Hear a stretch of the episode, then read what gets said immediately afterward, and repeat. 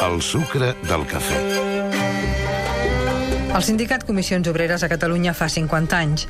El 20 de novembre de 1964, uns 300 treballadors i enllaços sindicals reunits a la parròquia barcelonina de Sant Madí van fer una assemblea que va servir per fundar la primera Comissió Obrera de Barcelona, embrió del que després seria la Comissió Obrera Nacional de Catalunya.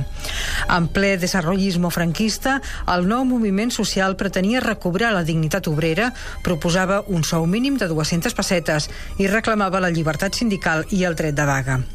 50 anys després, el sou mínim interprofessional està fixat en 645,30 euros, que serien 107.000 pessetes, i la situació política, social i econòmica del país és tota una altra cosa. 50 anys després, el paper dels sindicats és qüestionat i la seva afiliació volta al 16% dels treballadors. En èpoques de bonança econòmica és sabut que els sindicats es debiliten, però en l'actual situació de crisi econòmica, amb els drets laborals retallats, semblaria que el moviment sindical hauria de tenir més vigència que mai i, en canvi, viu unes hores baixes.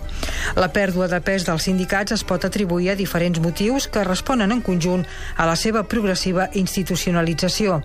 Se'ls acusa sovint de viure de les subvencions que els fa esclaus del sistema.